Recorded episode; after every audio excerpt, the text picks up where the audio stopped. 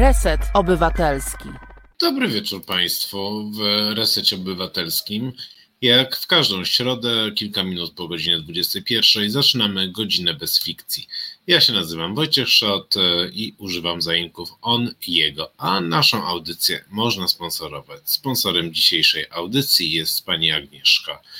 I ty możesz zostać producentem bądź producentką naszego programu, wpłacając na Reset Obywatelski w serwisie zrzutka.pl 100 zł. Twoje nazwisko czy pseudonim znajdzie się na specjalnej grafice na początku i na końcu losowo wybranego programu emitowanego przez Reset Obywatelski. Jeśli ustawisz 100 zł jako wpłatę cykliczną, będziesz producentem jednego programu miesięcznie. Zapraszam do serwisu zrzutka.pl. Dzięki Waszemu wsparciu możemy przygotowywać jeszcze lepsze programy. Zaczynamy 25. godzinę bez fikcji w resecie obywatelskim, co oznacza, że spędziłem z Państwem i naszymi gośćmi i gościniami już ponad jeden dzień. Tydzień temu rozmawiałem z Wiktorią Bielaszyn, dziennikarką Gazety Wyborczej, która zajmuje się między innymi Białorusią. Jak teraz wiemy, um, i mam nadzieję, że widzieliśmy też to wcześniej, ale teraz wiemy to jeszcze bardziej boleśnie. Temat e, jest niesamowicie aktualny i e, no, sporo można się z tej rozmowy też dowiedzieć o tym, dlaczego e, warto ten temat cały czas śledzić, nie tylko kiedy porywa się samoloty. Mm, zapraszam do wysłuchania naszej rozmowy na YouTubie. Jesteśmy także na Spotify. Dajcie suba, zapraszamy na kanał Reset Obywatelski. A dzisiaj Państwa i moim gościem w godzinie bez fikcji jest Maciej Dudziak, antropolog kultury, etnolog, kulturoznawca, autor Tomka na Alasce, no mam takie wydanie no, dziennikarskie, próbne bardzo, e, nowej części słynnej serii przygód Tomka Widmowskiego autorstwa Alfreda Szklarskiego. E, zapraszam Cię Maćku. Witam, witam, cześć. Cześć, dobry, dobry, wie, dobry, dobry wieczór. Um, to jest e, dla ciebie legendarna seria? A bez dwóch zdań, oczywiście. To już to w tych już chyba dziesiątkach e, wywiadów, ale też dla samego siebie. To, to, to, to trzeba bezwzględnie stwierdzić. To jest na pewno legendarna seria dla e, pewnie nieco starszego, dużo starszego pokolenia, ale też nieco młodszego ode mnie. To jest takie odwołanie oczywiście do czasów dzieciństwa, gdzie świat, jak zawsze zresztą, E, był, e, przynajmniej tak się wydaje, o wiele bardziej stabilny i nie tak rozedrgany jak teraz.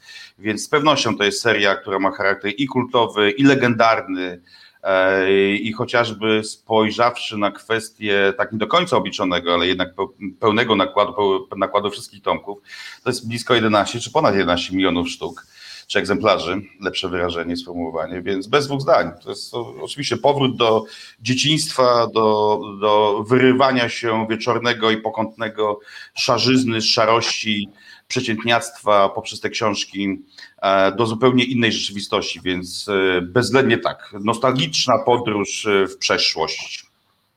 No to co się odkrywa w czasie takiej nostalgicznej podróży w przeszłość? To znaczy z perspektywy piszącego teraz tą ostatnią część? No, z perspektywy e... ciebie, tak.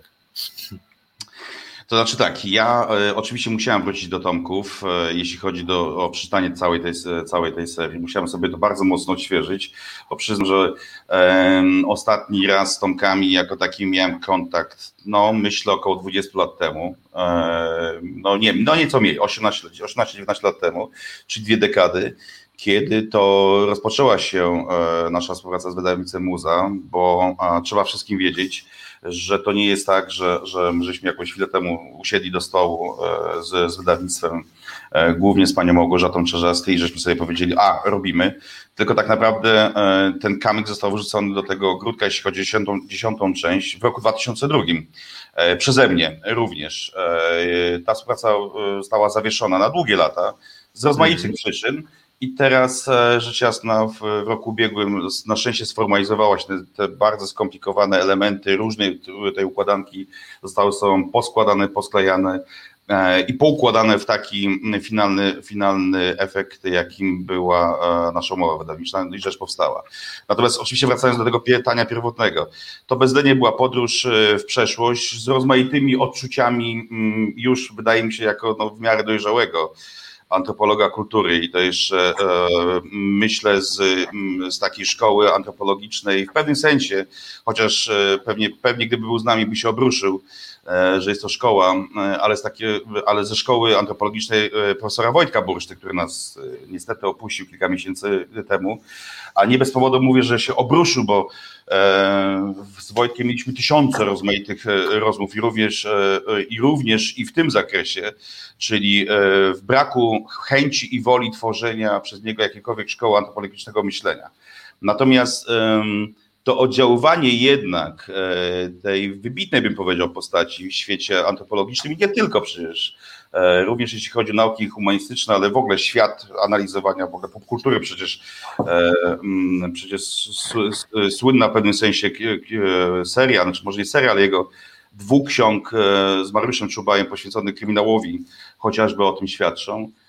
I Wojtek bardzo często się odżegnywał od tego, że absolutnie nie chce tworzyć żadnej szkoły, natomiast to jego mm, w pewnym sensie znowu odwołanie się do, do, do, do Olgi Tokarczuk i jej pojęcia czułości. Wojtek bardzo często i to wcześniej używał tego pojęcia, więc ta czułość świata, e, którą antropologia, zwłaszcza poznańska, e, to oczywiście nie tylko sam Wojtek, ale no przede wszystkim e, mnie obdarzyła i w związku z czym e, przekładając to, to już to doświadczenie antropologiczne i, i szereg, e, chyba dziesiątki tak naprawdę już różnego rodzaju publikacji, E, nakładając to na doświadczenie powtórnego czytania Tomka, mm, no, wywoływało nie tyle e, pewnego rodzaju zgrzyt, e, bo to było jakby oczywiste, ale pewnego, pewnego, pewnego rodzaju moje indywidualne wyobrażenie na temat mojej własnej przeszłości i zanurzenia się w tym, w tym świecie wówczas. To jest zresztą naturalne. W momencie, w którym, w którym prowadzi się swego rodzaju, swego rodzaju dyskusję z samym sobą, do tego jeszcze dokładając e, własne wyobrażenia na temat e, tego, jak wszyscy kiedyś w dzieciństwie byliśmy piękni, graliśmy na fortepianie, oczywiście dziewczęta były zawsze uśmiechnięte i chodziły w kucykach, do tego, jak to rzeczywiście bywało i było, e, to zawsze w konfrontacji z tą twardą rzeczywistością to wyobrażenie człowieka dojrzałego zawsze musi runąć. Jeżeli oczywiście jest to traktowane w sposób refleksyjny, a nie bezrefleksyjny, jak to się niestety często, czy najczęściej dzieje, w ostatnich czasach, kiedy ta przeszłość e, jest budowana zupełnie w oderwaniu od rzeczywistości. I, e, i to jest no, w pewnym sensie taka, takie, taki powrót do e, nie tyle myślenia magicznego, co takiego myślenia nostalgicznego bez refleksji, że jest to myślenie nostalgiczne. Dawno temu oczywiście w antropologii nie tylko opisane. Państwo pewnie pamiętają swoje lektury e, Tomka, serii Tom, o Tomku Wilmowskim. Ja zapraszam do komentowania, do opowiadania o własnych doświadczeniach. E, profesorowi Wojtkowi Burszczy dedykujesz e, książkę, dziękując za antropologiczną właśnie czułość świata. I już w pierwszym zdaniu Tomka na Alasce spotykamy się z problemem który stawia się, no, powstaje w sytuacji, kiedy mamy 2021 rok, e, nasz bohater jest e, w 1912 roku, a jeszcze autor e, serii pierwotny, główny autor serii, Alfred Szklarski, pisze tę książkę w latach 50., 60., to chyba jeszcze, 70, jeszcze 70. coś się ukazywało. Pierwsze zdanie. Już drugi dzień gdzieś od masywu McKinleya wiatr zacinał lodowatymi podmuchami. No i ten McKinley tu nieszczęsny już rodzi nam problem, już mówi o, o czym będziemy rozmawiać.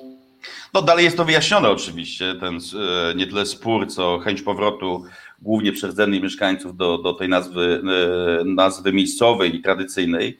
E, tu oczywiście różnego rodzaju pytania i dylematy na temat tego, w jaki sposób to napisać. Czy napisać to ja jako ja, no nie do końca by to się przyjęło, e, a nawet nie, nie chodziło o to, żeby się przyjęło, bo gdyby to była moja zupełnie książka od początku do końca, to na pewno wyglądałaby jeszcze zupełnie inaczej. Natomiast e, tutaj ten dylemat jest podstawowy i myślę, że każdy, kto by się mierzył z tym tematem, musiałby e, go jakoś rozwiązać.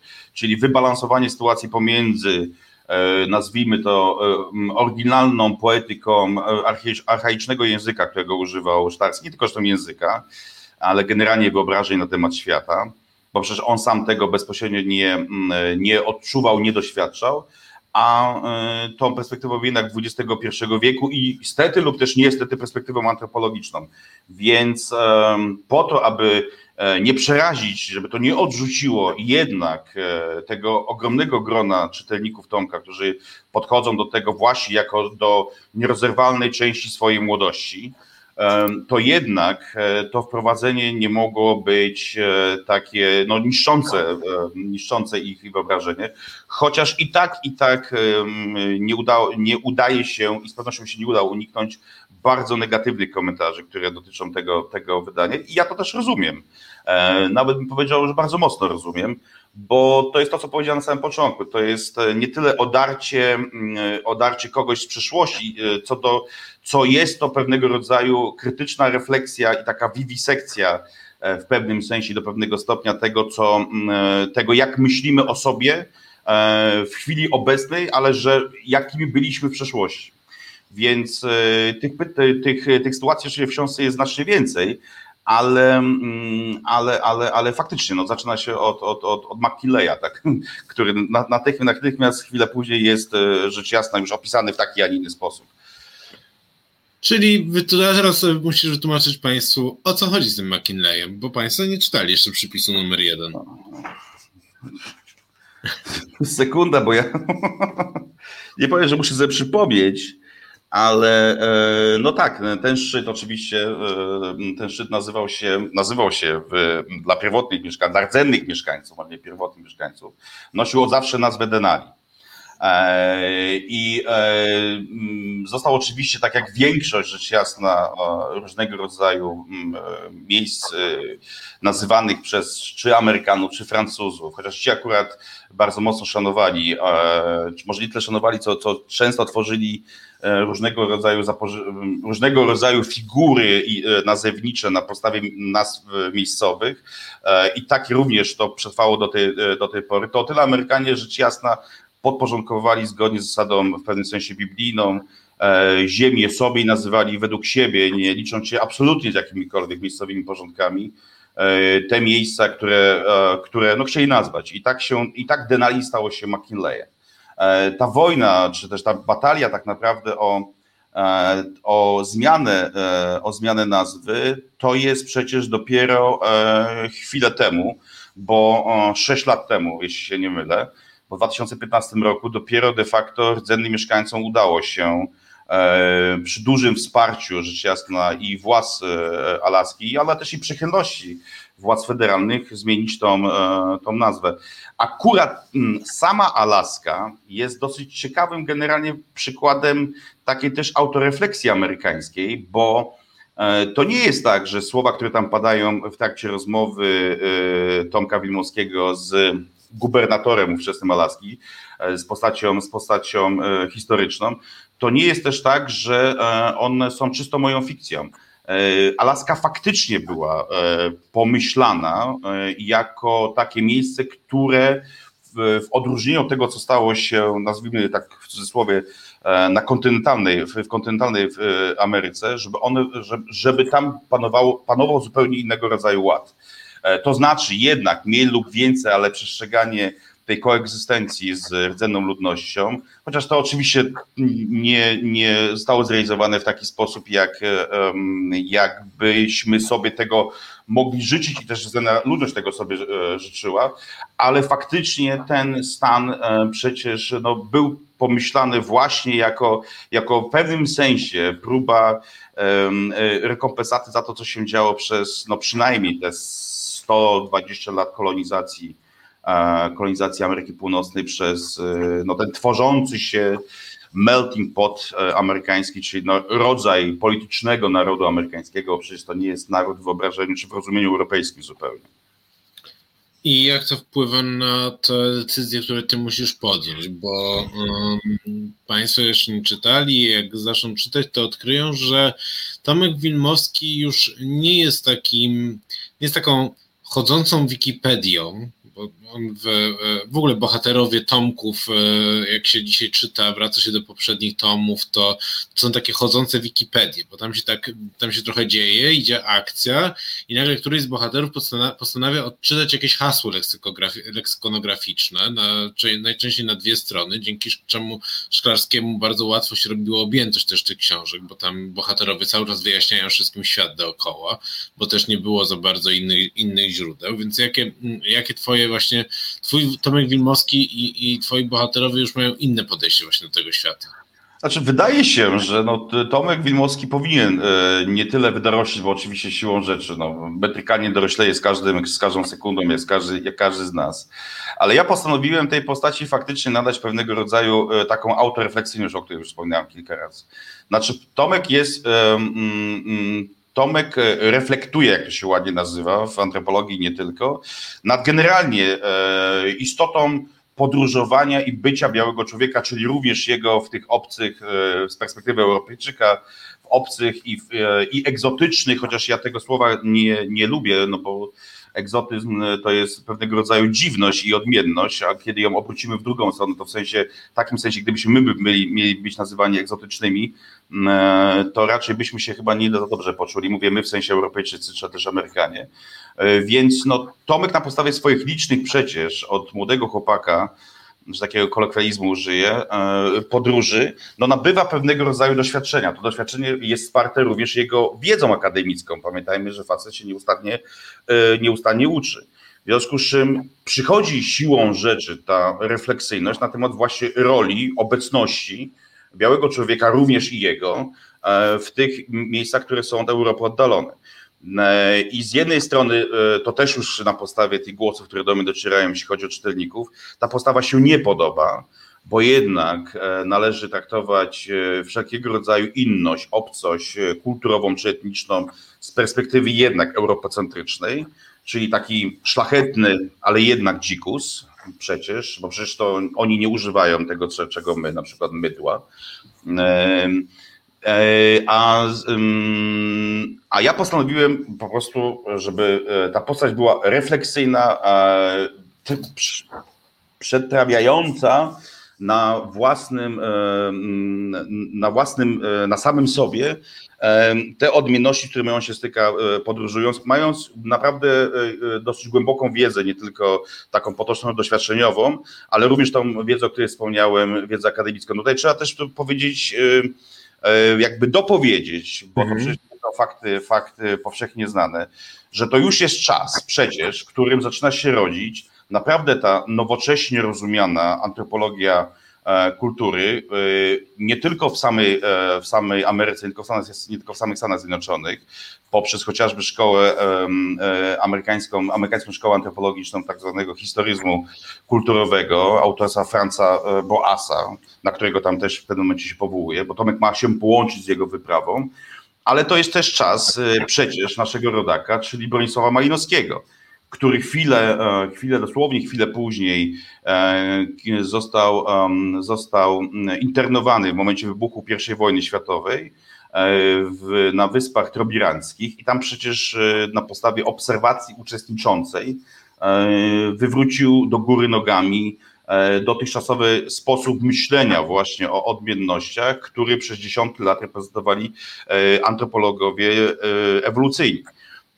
I to jest ten czas właśnie obalenia tego, tego europocentrycznego mitu, chociażby właśnie poprzez tą kwestię antropologii funkcjonalnej. Oczywiście to też nie była rewolucja, bo przecież kilka dekad po śmierci Majnackiego, bodajże w 1942 roku, czy chwilę po jego śmierci, ukazały się pamiętniki Majnowskiego, czyli no pisane równocześnie przecież, gdzie przy zderzeniu tego, co on pisał w swoich nobliwych pozycjach, e, seks i stłumieniem w społecznościach dzikich na przykład, tudzież cała kwestia związana chociaż z zmianą kula, etc., kiedy pisał właśnie, bo pamiętajmy o tym, że przecież Malinowski był, był e, zdaje się, z e, filologiem klasycznym, a na pewno filologiem, w związku z czym e, też piękne, piękne opisy zachodzącego słońca, no, nie przystawały do jego pamiętników, w których się niewybrednie wysławiał na temat właśnie doświadczeń z, z, z tą odmiennością kulturową. No ale, ale, ale jednak dla samego Tomka to nie są, to Tomek nie, nie był rewolucjonistą sam dla siebie, i nie, jego poglądy nie były rewolucyjne, nie burzyły rzeczywistości. On nie antycypował o kilka dekad całej kwestii związanej z, krytyką kulturową chociażby. To się w jego czasach działo. Więc hmm. gwoli wyjaśnienia tego, czego w książce nie ma, bo rzecz jasna nie jest to opracowanie w charakterze naukowym, e, to nie jest e, coś niezwykłego, że tego typu refleksyjność w tej postaci występuje. No, tak mówiłeś że, o tym, że się nie podoba czytelnikom i tak zerknąłem w międzyczasie na e, opinię na jednym z takich portali, gdzie Państwo wypisują komentarze do książek, e, krótkie recenzje. No i rzeczywiście pojawia się pojawia się takie chyba określenie e, poprawność polityczna. To jest chyba rzeczywiście jedno z takich najczęściej określeń wytrychów, które mają jakby powiedzieć, że, że świat się nie może zmieniać, ani nasze myślenie się nie mogą zmieniać, więc widzę, że zarzucają ci tutaj poprawno, zarzucają ci tutaj właśnie poprawność polityczną, ale też jednocześnie czytelnicy piszą, że na przykład Tomek e, w krainie kangurów e, no jest nieznośny, bo jest to człowiek, 14-letni chłopak, który e, poluje na zwierzęta, nosi, niesie jakiegoś trupa jakiegoś zwierzęcia i w ogóle bierze udział w jakichś dziwacznych polowaniach łapaniu jakichś zwierząt do cyrków. Tam się dziwne rzeczy w ogóle działy. Ja pamiętam pierwszą scenę z Tomka Widmowskiego, z Tomka e, w Krainie Kangurów, to jest w Port Said, e, przypływają bohaterowie do Port Said. Jest taka scena, że mm, Tomek obserwuje jak chyba ojciec e, rzuca pieniążki do wody, do morza. A tak, tak. A, a, mali, a mali Arabowie płyną i wyciągają te pieniążki i co, e, co gorsza, wyciągają te pieniążki w zębach. Bławiają. No, no cóż, no, tak się z pewnością w wielu przypadkach przecież działo. E, I, mm, i myślę, i to jest właśnie bardzo ciekawe, bo mm, ja mam w ogóle takie, takie, takie wrażenie, że brakuje nam, a zwłaszcza teraz, i to jest moje ogromne zdziwienie e, ostatnich przynajmniej kilku lat, że naprawdę brakuje w e, naszej edukacji i takiej, bym powiedział, instytucjonalnej, ale też i takiej dookoła, mm, postawienia akcentu na to, na czym świat jest budowany od zawsze, czyli na szeroko rozumiane zróżnicowanie, czyli w tym wypadku e, wielokulturowość. Znaczy, e, to europocentryczne myślenie, mimo tego, że XIX wiek i kolonializm taki, jak to znamy z pierwszych chociażby tomów e, Tomka było opisywane przez samego Sztarskiego, że to myślenie jest najbardziej popularne myślenie w wieku XXI.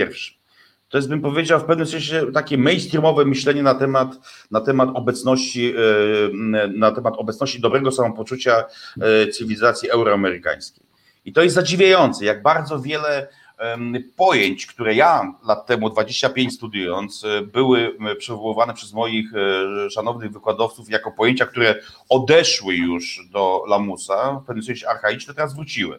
Na przykład pamiętam jeden z takich wykładów, zdaje się e, chyba u profesora Jasiewicza, który omawiając, omawiając kwestię, jak to się onegdaj nazywało, określało różnego rodzaju grupy etniczne, począwszy tam od plemienia, przez tam oczywiście zgodnie z myśleniem ewolucyjnym hordy jeszcze wcześniej, ale też użył takiego pojęcia nacja, że to był taki kiedyś termin, jak on studiował, był w naszym wieku, taki termin się pojawiał nacja. Jakże często w tej chwili ten termin jest używany. Termin dokładnie z XIX wieku. Więc um, brakuje nie tylko wiedzy, ale takiej wiedzy, bym powiedział, właśnie obdarzonej pewnego rodzaju, e, pewnego rodzaju e, czułością, znaczy czułością rozumienia po prostu innego. Tym innym to niekoniecznie musi być ktoś, kto wyławia tego pieniążka e, i jest z tego powodu super szczęśliwy i, i krzyczy dziękuję ci panie, oczywiście z angielska, ale ten inny przecież i, i, ci inni są wśród nas no pamiętajmy o tym, jak się y, Polska w ciągu ostatniej dekady czy półtorej, zwłaszcza dekady, zmieniła. E, nasz system edukacyjny jest tak skonstruowany, że on nie bierze pod uwagę jakiejkolwiek inności. E, a w Polsce nie mieszkają tylko wyłącznie Polacy i to widać gołym okiem. Czyli tak naprawdę nasz system instytucjonalny w wielu miejscach po prostu nie dostrzega tego, o czym powiedziałem, że w Polsce nie mieszkają tylko wyłącznie Polacy. Mm. Ale myślę, że którymś, bo mówisz o tym, że e, była jakaś taka szansa na zmianę właśnie, ale e, to jest też ciekawe, że właśnie wziąłeś się za kontynuację serii, e, którą wszyscy znamy z dzieciństwa i wszyscy mamy wobec niej właśnie jakieś takie pozytywne wspomnienia, no bo to jednak była, była pozytywna lektura i nagle teraz zderzenie się z tym, że to, co Szklarski pisał, no to to jest właśnie europocentryzm, co tam jest pikuś tak naprawdę, co tam jest czasem na czasem napisane. Zdarzenie się no, jest bardzo bolesne. To tak samo jak przy okazji tej e, nieprawdopodobnie głupiej dyskusji o e, w pustyni i w puszczy, bo ta dyskusja jakby finalnie dla mnie jakoś e, efektów nie ma żadnych tak, tej, tej dyskusji, ale no, to my po prostu tak idealizujemy dzieciństwo, że nie jesteśmy w stanie dopuścić żadnej rewizji tego? Znaczy, tu jest szereg różnych problemów i pewnie nam by nie starczyło do północy czasu, żeby to przynajmniej wstępnie omówić. Znaczy, no czas, czas, w którym żyjemy, przynajmniej wydaje mi się od przynajmniej takiej mocnej dekady, czyli XXI wiek, to jest czas bardzo mocno rozedrygany. W antropologii, znaczy ja wykorzystuję e, takie pojęcie ukute przez, e, przez e, Arnolda Van Genepa, takiego belgijskiego antropologa, który ukuł takie pojęcie rite de passage, czyli pomiędzy poszczególnymi stanami, stadiami kulturowymi jest coś w rodzaju rytuału przejścia. Oczywiście on to, on to dopasowuje do, do badań nad społecznościami prostymi, rzecz jasna, i do społeczności prostych. Ja to nieco w pewnym sensie metaforycznie w swoim, w swoim pisarstwie, e, no nazwijmy to naukowym czy antropologicznym, wykorzystuje, opisując ten, to przejście z jednego stanu do stanu innego, czyli z wieku XX do wieku XXI. Ten wiek XX, pomimo tego, że oczywiście były przepełnione przerażającymi rzeczami, począwszy od pierwszej, drugiej wojny światowej przez okres e, zimnej wojny, żelaznej kurtyny, socjalizmu, komunizmu, jakbyśmy tego nie nazywali, w różnych państwach to wyglądało, wyglądało z różną intensywnością, to jednak e, miał takie, takie mm, e, walory poczucia bezpieczeństwa. Znaczy bezpieczeństwa w tym sensie, że, że mm, jasno zdiagnozowany przeciwnik, wróg, E, jasne mechanizmy e, obronne w tym zakresie i jasny przekaz, co należy zrobić albo czego nie robić, żeby uniknąć e, niebezpieczeństwa. XXI wiek uwolnił zupełnie niespodziewane procesy, jeśli chodzi o kwestię właśnie tego rozedrgania. I my tak naprawdę nie jesteśmy w stanie w tej chwili dobrze zdiagnozować tego procesu przejścia od jednego stanu do drugiego stanu, ponieważ też i często użytkujemy pojęcia i siatki pojęciowe i różne matryce kultur, kulturowe e, w pewnym sensie z wieku XX, które nie przystają zupełnie do wieku e, do wieku XXI. To tyle jakby tytułem takiego e, zakreślenia obszaru. Stąd różnego rodzaju, różnego rodzaju niepewności, płynności, o których pisał Zygmunt Bauman przecież, też, który nas opuścił 4 lata temu, ten świat jest płynny, ale powiedział, że on jest bardziej rozedrgany niż płynny. Zresztą Bauman w swojej ostatniej książce, e, w swojej ostatniej książce, książce Retrotopia, mm, e, przyznaje się do tego, że w dużej części jego refleksja kilkudziesięcioletnia poniosła fiasko na temat świata zachodniego, bo nie tylko że zachodniego, bo przecież e, on diagnozował, że e, idziemy w kierunku e,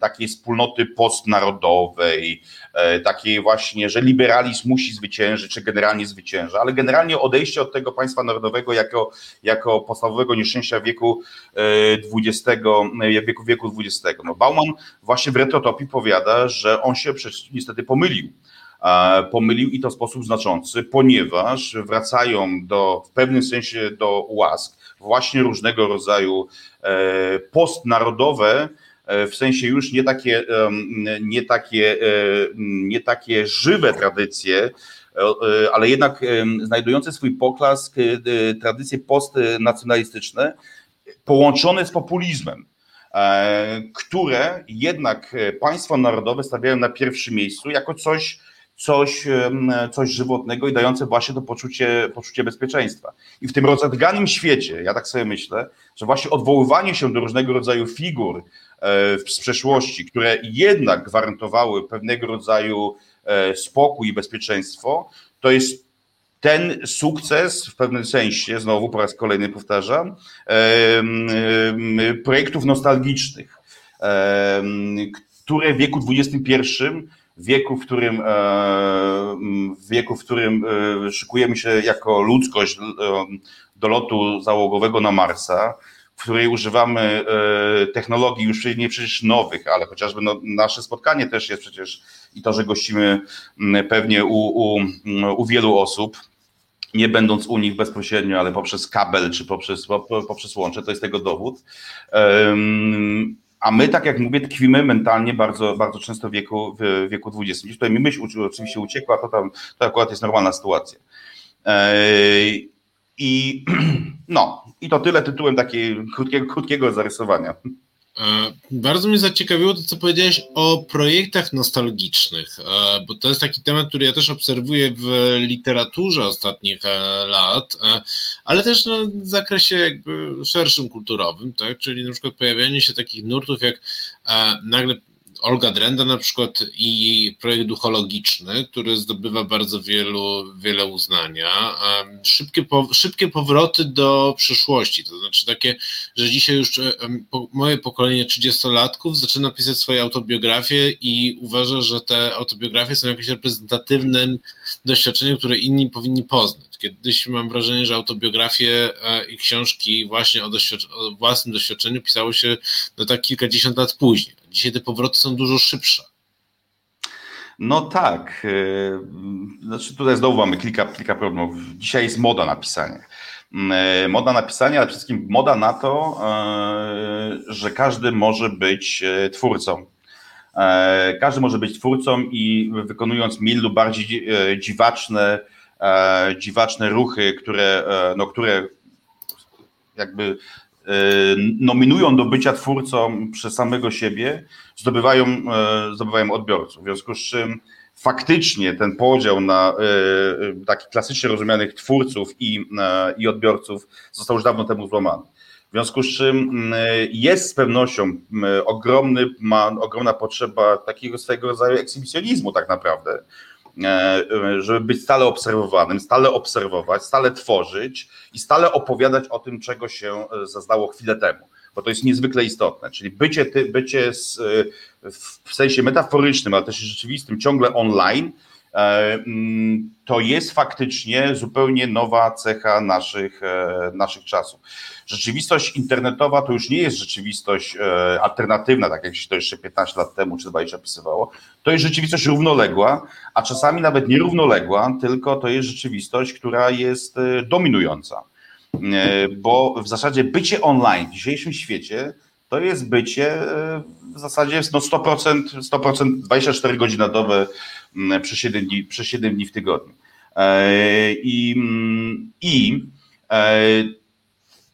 ta możliwość bycia online i możliwość bycia, e, jakkolwiek byśmy tego nie rozumieli, a to jest fajne akurat w antropologii, że e, w sensie rozumienia, co to jest artefakt kulturowy, no to na, na, e, w takim formalnym podejściu gumka w majtkach może być jak najbardziej artefaktem, ale jak, jak również dzieło Mozarta, w sensie formalnym oczywiście, nie, nie porównując jakby wagi i oddziaływania.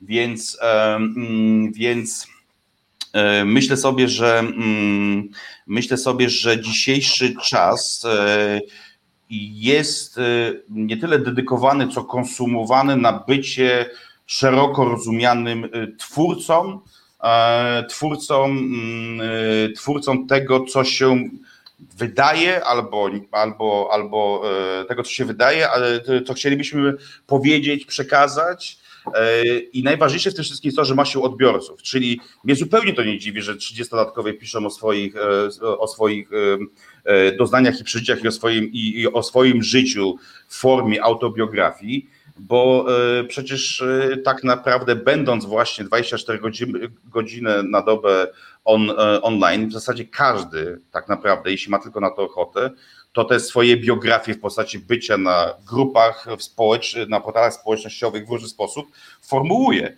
E, wydaje mi się, że jest taka, mm, mm, że to jest dowodem na jednak e, ogromną potrzebę wspólnotowości, która została e, bardzo mocno zniszczona. W zasadzie ten, ta, ta kwestia związana z autoidentyfikacją, z tożsamością taką um, indywidualną, ale tożsamość indywidualna nigdy nie powstaje w oderwaniu od tożsamości jakiejkolwiek wspólnoty. W związku z czym bycie we wspólnocie wydaje mi się i, i tożsamość, też zmienne tożsamości kulturowe, czy w ogóle tożsamości, które się posiada, wpisują się właśnie w poszukiwanie tegoż, przez ten ekshibicjonizm, o którym e, wspomniałem. Rozumiano oczywiście bardzo, bardzo mm, metaforycznie, niekoniecznie tak e, literalnie. No tak jakoś mi się to chaotycznie po, po, po, pogadało. A, czyli, nostal czyli nostalgia jako e, forma budowania wspólnoty dzisiaj i, i jedna z lepszych właściwie form budowania wspólnoty, bo też e, pokazujące, że twoja przeszłość może stać się modna, tak? że lata 80. nagle wracają, czy wracają koszulki ze Spice Girls. A to jest e, mm, nieco inna strona, czy nieco inny odcinek tego problemu, o którym mówiliśmy wcześniej. To znaczy, ja obserwuję, nie tylko zresztą ja obserwuję, bo ja to pikuś, jak już taki, taki termin przywołałeś, ale mm, liczne grono obserwatorów i piszących na temat kultury, zmieniającej się kultury współczesności, e, zwraca na to uwagę, że te projekty nostalgiczne, które są wywoływane na poziomie tego najmocniejszego oddziaływania, czy jednego z najmocniejszych oddziaływań, jakim jest państwo po prostu, Y, oddziałuje na zbiorową wyobraźnię, to co się dzieje chociażby w Polsce, ale nie tylko, poprzez właśnie różnego rodzaju projekty nostalgiczne, które mają nawiązywać do mniej lub bardziej, ale jednak idealnej e, przeszłości. W Polsce akurat jest to, to, to odwoływanie, nie wiedzieć czemu, do tego okresu e, międzywojnia i do kultu marszałka e, Piłsudskiego jako do złotych czasów. To jest oczywiście głęboka nieprawda, rzecz jasna. Przepraszam, że ci wejdę w słowo, ale, ale tak, jest zawsze, zawsze czymś niesamowitym, jak w Polsce mm, odwoła, odwołanie do okresu dyktatury okazuje się być rozumiane jako coś właśnie, no, odwołanie do wspaniałej przeszłości polskiej. No nie tylko do dyktatury oczywiście, bo to jest e, e, element, e, jeden z elementów, ale pod tą dyktaturą skupiała się kwestia nepotyzmu, korupcji, kwestia get ławkowych, procesów politycznych oczywiście, powszechnego analfabetyzmu przecież, to nie ma co się dziwić tak naprawdę. No, kraj, który był klecony z trzech różnych kawałków, w którym E, w którym e, dosyć znaczna liczba całej populacji obywateli, bo około zdaje się, no nie chcę tutaj rzucać liczb, ale no kilkaset dobrych tysięcy mniej więcej w spisie powszechnym deklarowało, deklarowało jako swoją narodowość miejscowy, więc to na pewno nie był kraj mlekiem i miodem płynącym, ale też należy znowu spróbować rozumieć te czasy w tamtych czasach, co jest oczywiście niewykonalne, w 100%. Natomiast w pewnym sensie można to zrekonstruować. E, mamy rok 18, e, odzyskanie niepodległości przecież po, po, ponad, po ponad wieku.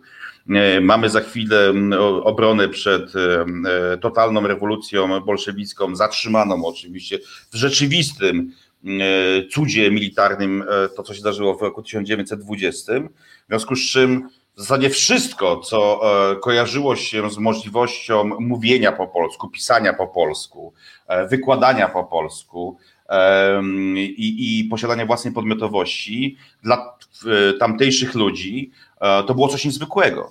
Przecież ja mhm. jeszcze miałem do czynienia z pokoleniem moich dziadków, którzy przyszli na świat w, w latach, w latach E, w drugiej dekadzie XX wieku, którzy jeszcze pamiętali e, z Drohobycza e, takie sytuacje, kiedy to w latach dwudziestych w różnych manifestacjach i świętach narodowych brali udział powstańcy styczniowi jako sędziwi, ale jednak wciąż, wciąż, wciąż żyjące osoby. Więc też nie ma co się dziwić, że, że odwoływanie się do takiego jednak entuzjazmu, krótkotrwałego tak naprawdę i takiej euforii, bym powiedział, z, powodu odzyskania niepodległości, mm, e, postawiło głębokie oddziaływanie na tym pokoleniu, które niestety za chwilę znowu i kolejne pokolenie, przecież, które się urodziło już w wolnej Polsce w tym okresie międzywojnia, e, które za chwilę miało znowu kolejny problem w postaci roku 1939 i kolejnego okresu, e, kolejnego okresu okupacji, który tak naprawdę zakończył się w roku 89, więc, więc nie ma co się dziwić współczesnym, tak naprawdę. No ale naszą z kolei rolą ludzi, którzy urodzili się znacznie później i mają już dostęp przede wszystkim do różnych źródeł, jest kwestia dekonstrukcji E, nie tyle jakiejś właściwej czy należytej oceny, ale no po prostu mówienia tego, jak było. No wyjeżdżając jednak z suchnącej w tamtym czasie bardzo mocno i w wielu miejscach e, Warszawy kilkadziesiąt kilometrów od, no wjeżdżało się w XIX wiek. Przecież. I to mówimy tutaj o roku, roku 39. E, więc należy oddać to, co faktycznie się zdarzyło na plus i stwierdzić to, co było rzeczywistym, rzeczywistym minusem. Natomiast idealizowanie tego, Mam wrażenie, że bardzo często dzisiaj e, idealizowanie tego jako odwoływanie się do pewnego rodzaju mitu założyciel, założycielskiego i e, próba przetransportowania tego, tego mitu i wcielenia go w życie w wieku XXI, no jest zabiegiem, mówiąc delikatnie, wysoce niestosownym, który prędzej czy później padnie. To jest oczywista kwestia. No tak, no nie ma co wierzyć w to, że młodzi ludzie masowo teraz e, wezmą sobie marszałka na sztandary, chociaż oczywiście mm, z drugiej strony e, dość masowo wierzą Polacy i Polki w Wielką Lechię, więc e, z drugiej strony jest coś takiego, że jesteśmy dzisiaj w stanie uwierzyć też może przez to rozedrganie w rzeczy wręcz nieprawdopodobne, mm, które przy tym właśnie jakie mamy źródła możliwości weryfikacji i tak dalej, jest też niesamowite, jak właśnie upraszczamy sobie myślenie. I tak właśnie mi się wydaje, że to, to o czym ty mówisz i mm, to, gdzie są problemy z odbiorem tej książki będą, to jest właśnie to uproszczenie sobie myślenia, tak, że e, właśnie w świecie rozedrgania potrzebujemy, no, mm, no nie myśleć, szczerze mówiąc. Znaczy, to jest w ogóle arcygłęboki problem.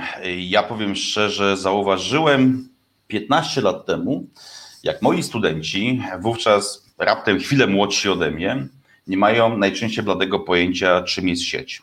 To znaczy, że w sieci nie znajdują się tylko i wyłącznie okazjonalia, czyli kto z czego skoczył, na co wskoczył, gdzieś na czym przewrócił, albo kto ma co większe, czy mniejsze, czy największe. Oni mieli dlatego pojęcia, że sieć zawiera również inne elementy. Mm, ale ze zdziwieniem jeszcze większym e, stwierdziłem jakieś, znaczy zauważyłem jakieś dwa lata temu, kiedy na jednym z kierunków mm, dotyczącym komunikacji medialnej, zdaje się, i dziennikarstwa wprost, mieliśmy zajęcia na temat fake newsów i tam sobie jakiś taki przykładzik rzuciłem w trakcie swojego, swojego e, mówienia na temat, no tak jak te właśnie tam, mm, e, przepraszam, kwior, kwiożercze kleszcze, które wędrują do nas z Niemiec. A też pan to czytał. Ja mówię, no tak, ale to jest fake news. Nie, nie, nie, nie, nie. No przecież ja tutaj bardzo proszę, scrollowanie ekranu, no jest napisane. Więc taka kompletnie bezrefleksyjna wiedza w e, słowo pisane, a zwłaszcza w obrazek. E, to niesamowicie przypomina naprawdę kultury proste, mm, te historycznie opisane, e, gdzie e, i kultury proste, najczęściej społeczności, które miały charakter kultury magicznej, gdzie te zasady kultury magicznej, czyli podobne wywołuje podobne, między innymi jedna z dwóch takich, takich zasad, one obowiązują, jak się okazuje, w dzisiejszych czasach, oczywiście bezrefleksyjnie. I mnie to powala, jak bezrefleksyjność w dzisiejszych czasach która rzecz jasna łączy się z tym, co powiedziałeś, czyli z e, prostotą, chęcią prostoty w odbiorze, jest nadrzędna nad tym, e, nad, e, nad chęcią jakby skonfrontowania na własny użytek określonej informacji czy określonego, określonego e, obrazu. W pewnym sensie ja mam wrażenie, że to też idzie w takim mocno hedonistycznym kierunku również, mm.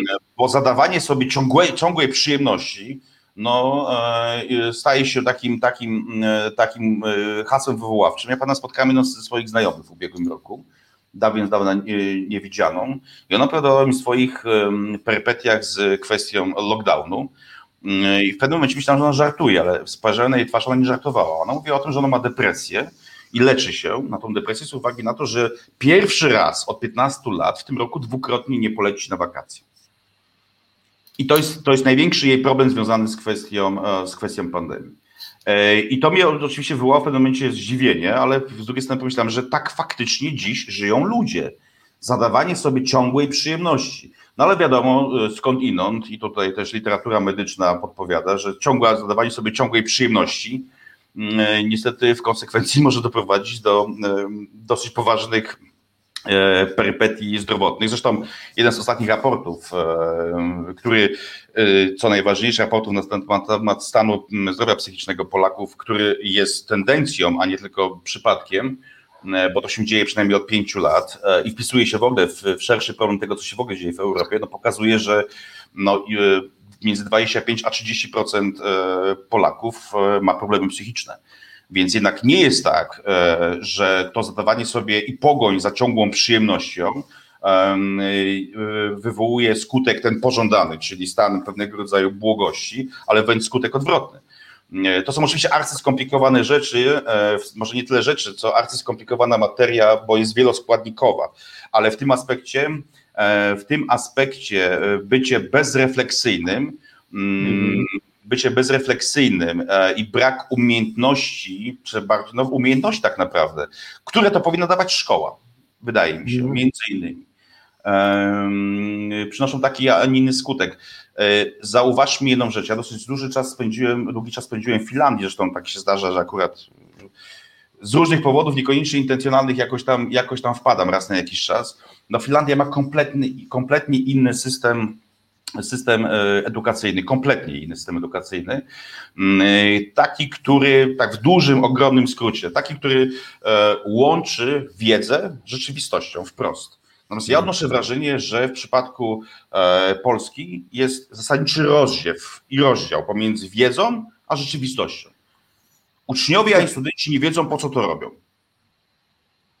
No, to najsłynniejszy przykład oczywiście tego, że e, wszyscy uczyliśmy się, chyba wszyscy, tak mi się wydaje, kwantyfikatory to jest też coś, czego staram się unikać, ale prawie wszyscy uczyliśmy się cyklu rozwojowego Pantofelka i e, ślimaka Winniczka i było nam to na tyle potrzebne, że dzisiaj w internecie znajdziemy ten cykl e, w ciągu pięciu sekund, i, a myśmy go się uczyli przez ileś czasu i to było bardzo ważne zadanie dla naszej głowy, żeby się go wyuczyć.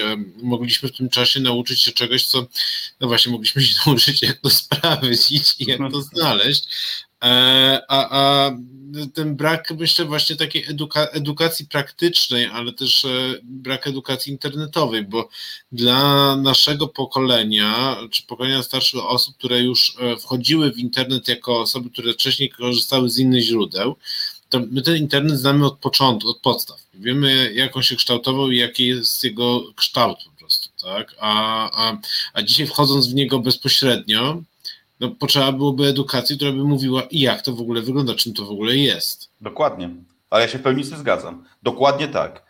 E, I to, e, I to edukacji e, od samego początku, czyli od, nie wiem, 5-6 roku życia, ciągłej, regularnej, dokładając coraz bardziej zaawansowane elementy. Bo internet to jest rzeczywistość, podobnie jak kultura. Znaczy, Internet to jest po prostu, e, tak jak kultura, to jest środowisko operacyjne, w którym jesteśmy. I tego się nie da e, już e, w tej chwili oddzielić od, od funkcjonowania w rzeczywistości po prostu. To jest również rzeczywistość, to nie jest rzeczywistość wirtualna, tylko to jest po prostu rzeczywistość. W związku z czym brak edukacji w zakresie rzeczywistości no jest jakimś mhm. chyba kompletnym nieporozumieniem, jeśli chodzi o kwestię w ogóle po co jest edukacja. Ja to odkryłem, ja to odkryłem, kiedy się okazało, że większość studentów, z którymi ja mam, to są to ludzie ode mnie młodsi 10 lat, 15, e, nie potrafi zadać poprawnie pytania w Google, żeby coś znaleźć. I, i to było doświadczenie dość takie piorunujące, bo ja byłem pewien, że to oni będą wymiatać w tym, że to właśnie e, ja się będę od nich uczył, okazało się, że nie, że właśnie te osoby, które znają internet od początku, mają jakby no, większy zasób wiedzy, no bo właśnie mieli czas się tego nauczyć. Zgadza się, no już to pewnie moglibyśmy czepać tutaj dziesiątkami takich przykładów. Teraz mi się przypomniał taki jeden, jeden właśnie a propos tego szukania w internecie. Bo oczywiście tak jak mówiliśmy wcześniej, wszyscy, czy duża część z nas jest, jest 24 godziny e, online, czyli jesteś w rzeczywistości, w związku z czym w trakcie wykładu, czy też tam, nie wiem, ćwiczeń, czy ale głównie wykładu, każdy gdzieś tam sobie coś, czegoś szuka i też weryfikuje to, co się do nich mówi. Ja mam jakąś taką sytuację zupełnie niedawno, kiedy mówiłem o sytuacji mm, e, znowu wielokulturowości i gdzieś tam rzuciłem taki przykład, wiedząc, że obrazy oddziałują mocniej na wyobraźnię niż słowa, tak jak w tym, mówię, filmie w ciemności Agnieszki Holland. Więc taka była cisza, nagle ktoś tam po jakiejś tam minucie, taki szum w ostatnich łapkach. Mówię, jak Państwo macie pytania, proszę zadawać. No bo tutaj się Pan pomylił, bo w ciemności to przecież jest ostatnia część Star Treka. Tam nie ma mowy o wielokulturowości. Ja mówię, ale na jakiej podstawie? No proszę zobaczyć. No i tam pokazuje mi tam przyrząd, no, no bo na pierwszym miejscu w ciemności wyskoczył Star Trek, no więc skoro na pierwszym miejscu, no to, to, to nie jest inaczej niż to, co on widzi. Z drugiej strony, wiesz, no, internet też jest jakąś taką formą kultury magicznej, tak? No bo um, mamy, um, chociaż czy to jest myślenie magiczne, czy to jest religia, to jest też pytanie, bo pomiędzy jest jeszcze serwer pomiędzy nami, który jest Panem Bogiem, do którego znosimy modły, ale powiedzmy, że bardziej jest jedna kultura, kultura magiczna i, i ciekawe, że okazuje się, że gdzieś tam wracamy, wracamy właśnie do tych e, e podstaw w ogóle funkcjonowania człowieka, jak e, się zaczyna to rozbierać. A oczywiście. Oczywiście.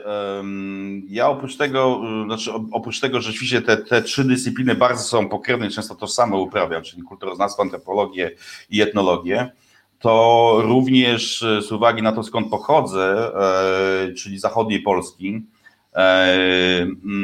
zajmowałem się i po części się dalej zajmuję kwestiami związane z mm, e, nowocześnie rozumianym regionalizmem a zwłaszcza tutaj przez, przez kilka lat y, razem w duecie z moim serdecznym kolegą, e, kulturoznawcą, po z kolei niemieckim kulturoznawstwie, e, Robertem Piotrowskim, robiliśmy taki cykl spotkań z historią. Takich jakby, mono, znaczy no nie jakby, monografii, które, które opowiadają o jakimś, o jakimś miejscu.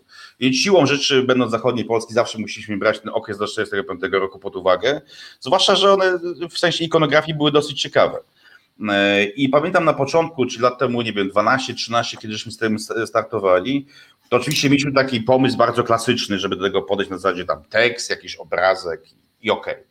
No więc się okazało, że, że to nie w tym kierunku, że musimy, bardzo szybko się okazało, nie w tym kierunku, że musimy działać przede wszystkim obrazkiem.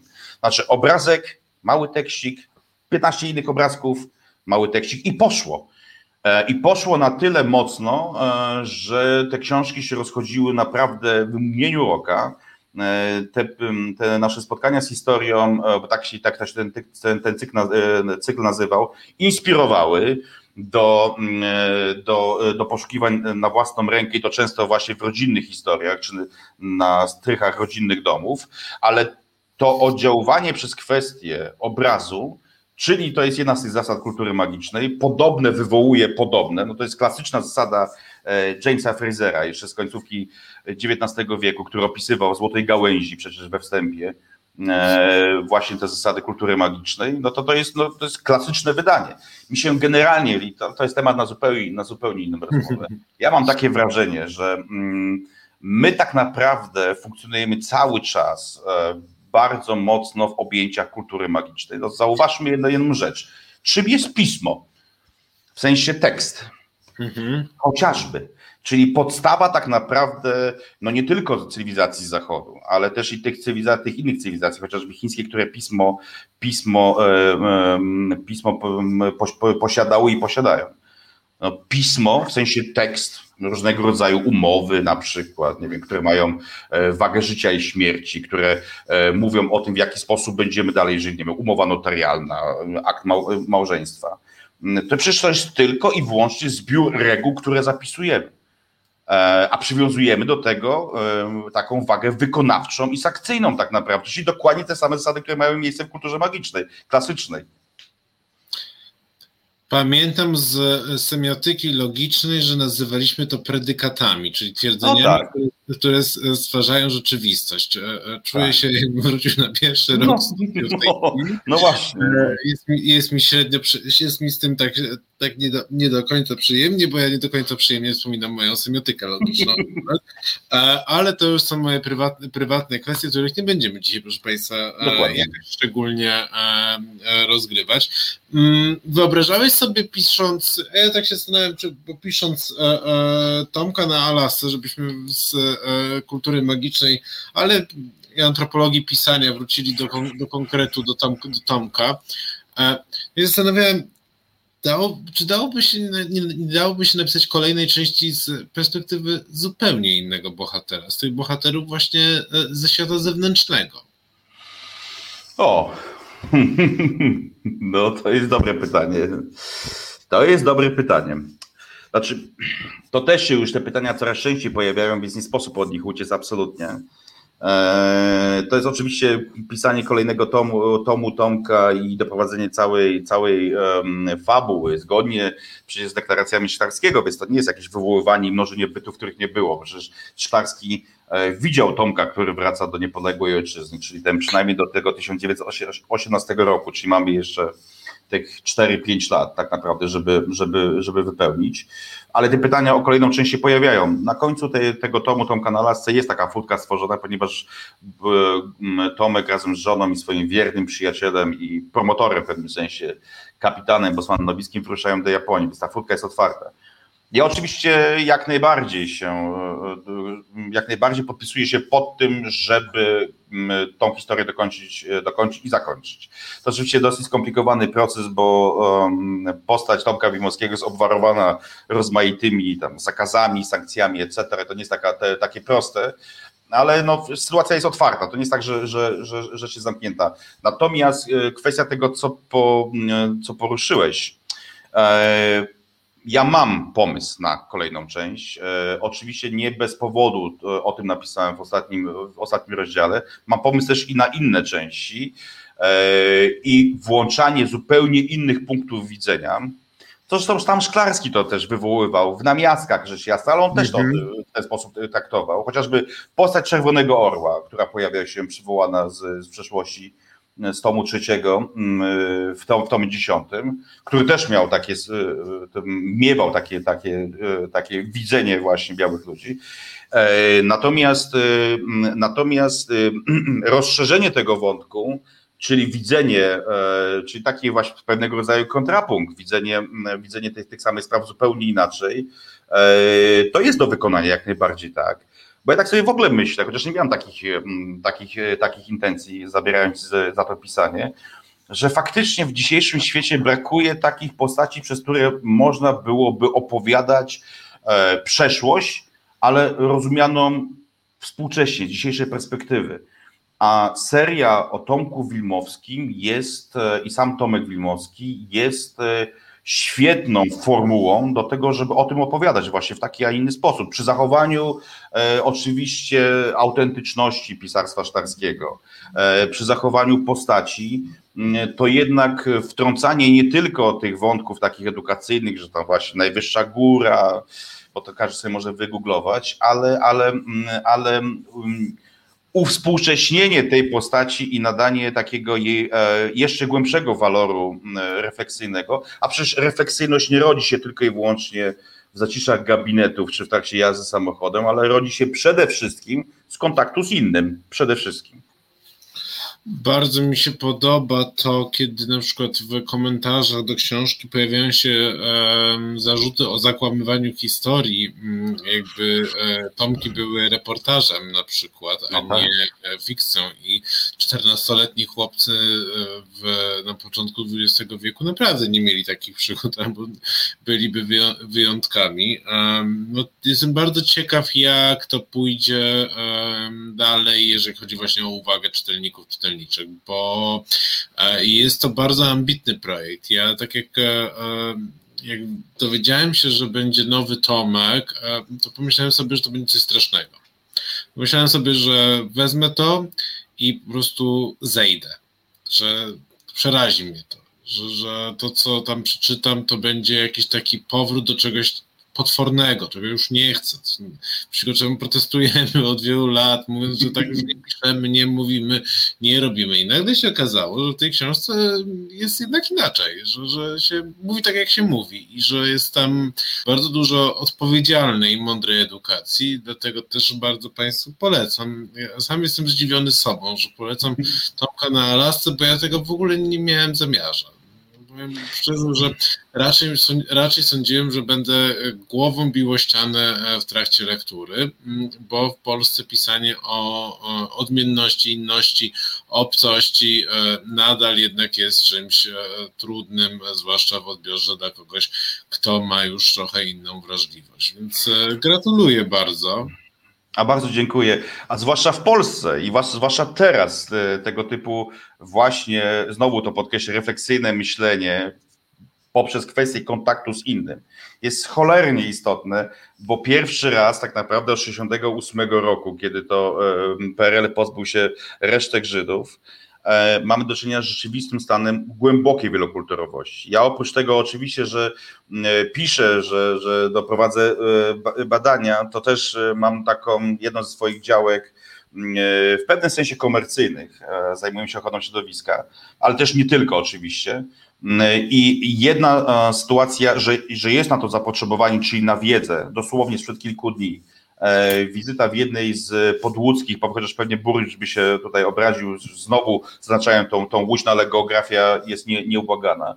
Miasto i gmina Żgów pod Łodzią, czy w zasadzie wciśnięta w Łódź, gdzie burmistrz stawia e, jako główne wyzwanie, stwierdzając, że nie do końca on jest zrozumiały przez swoich ludzi kwestię związaną z wywołaniem tematu pod lokalna polityka wielokulturowości, ponieważ on u siebie już ma oczywiście Ukraińców, Turków, Wietnamczyków, ma również, e, ma również dosyć e, zastygłą w sensie taką wielopokoleniową tradycją społeczność lokalną, która ma coraz większy kontakt ze społecznością wielkomiejską samej Łodzi. Więc to są problemy realne, praktyczne, na które e, nie ma tak naprawdę w tej chwili żadnego programu. Więc Tomek może świetnie temu służyć, no, pokazując, e, pokazując, e, pokazując w jaki sposób można się poukładać ze światem zewnętrznym, nie po to, żeby kogoś naiwnie kochać, że wszyscy są, wszyscy są świetni po prostu i kochajmy się i, i ja dokładnie będę wszystko rozumiał, no bo absolutnie, bo ten, ten człowiek zwariuje. Poza tym to są, to są e, mechanizmy obronne, psychiczne są tak inaczej skonstruowane, że nie możemy wszystkiego uznać za swoje. Ale w myśl takiej starej zasady żyję i, po, i pozwalam żyć e, innym, wydaje mi się, że, że właśnie poukładanie sobie tego, e, tego, tego, tego w głowie co do kwestii jakby równości różnych wątków kulturowych i etnicznych, to to jest coś, przed czym się nie ucieknie, bo to jest stan, nie lubię tego słowa, ale jednak naturalny po prostu. Um, Przyłączając się do słów Maćka Dudziaka i polecając Państwu Tomka na Alasce, e, chcę też od razu zaprosić za tydzień. E, będziemy rozmawiać z Janem Mencfelem na temat e, betonowania rynków i nie tylko rynków, i betonowania mózgów też. I, i zobaczymy też, dokąd dojdziemy w naszej rozmowie. Myślę, że to będzie gorąca też bardzo rozmowa. Zachęcam Państwa do przygotowania zdjęć swoich rynków, zdjęć swoich ukochanych, wyciętych, zaplombowanych, e, okaleczonych drzew. Z przerażeniem to, ale chętnie obejrzymy. E, zapraszam do, będziemy dużo rozmawiać właśnie o tym, co może być stanem naturalnym i co może być czymś, do, czym, do czego można dążyć także w małych właśnie miasteczkach i co tam się dzieje. E, za tydzień e, temat betonozy i Jan Mencel będzie e, Państwa i moim gościem w godzinie bez fikcji, a dzisiaj był nim Maciek Dudziak, autor Tomka na Alasce. Książki, którą zaskakująco da się czytać. W dwóch odsłonach. Dziękuję Państwu bardzo. Dzięki Ci, Maćku. Dobranoc. Dzięki również. Dzięki, dzięki, dzięki. Pozdrawiam. Reset Obywatelski. Podobał Ci się ten program? Reset to medium obywatelskie, którego jedynymi sponsorami jesteście Wy, odbiorczynie i odbiorcy. Wesprzyj nas na zrzutka.pl i pomóż budować niezależne medium.